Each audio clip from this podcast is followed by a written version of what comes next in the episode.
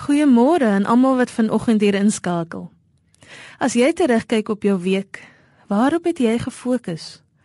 Wat het jy aan ander gekommunikeer aangaande God? Is jou aandag daarvan afgelei deur die besighede van elke dag?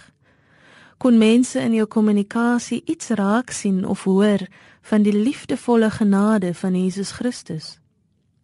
Wanneer Paulus in 1 Korintiërs 12 die mense herinner om uitstekend te wees in die gawes wat die geloofsgemeenskap opbou, praat hy van die grootste roeping wat ons ooit sal ontvang. Die gawe om mense deur ons kommunikasie te leer wie God deur Jesus Christus is. As ons op hierdie doel fokus, is ons prioriteit om die goeie nuus so suiwer moontlik te kommunikeer. Dit is hierdie prioriteit wat ons help om te onderskei wanneer ons wat moet doen. Dit help ons om te bepaal wanneer ons stil moet wees en wanneer ons moet praat. Wanneer ons watter woorde moet sê, wanneer ons watter houding moet hê en wanneer ons watter aksies moet doen.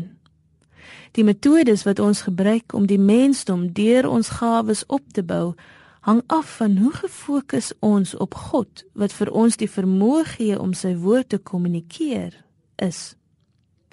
Het jy die gawe om iemand op te beer? Die gawe om moeilike terme eenvoudig uit te lê sodat almal kan verstaan? Het jy die gawe om te sing of 'n tipe musiekinstrument te bespeel? Die gawe om altyd die oplossing te sien in steede van die probleem? Die gawe om 'n uitdaging in 'n geleentheid te omskep. Het jy die gawe om aktief te luister na iemand wat nodig het om te kla? Of die gawe om deur aanraking die liefde van God tasbaar te maak vir ander wat daarna smag? Elkeen van ons het 'n talent of twee, maar dit word slegs gawes wanneer ons God daardeur eer en sy woord verkondig. Dit is slegs gawes wanneer ons mense daardeur leer wie God is. Dit was hierdie prioriteit wat in Korinte afgeskeep is, wat Paulus gelei het om die brief te skryf. Dit is hierdie prioriteit wat ons lei om uitstekend te wees in die gawes wat die mensdom opbou.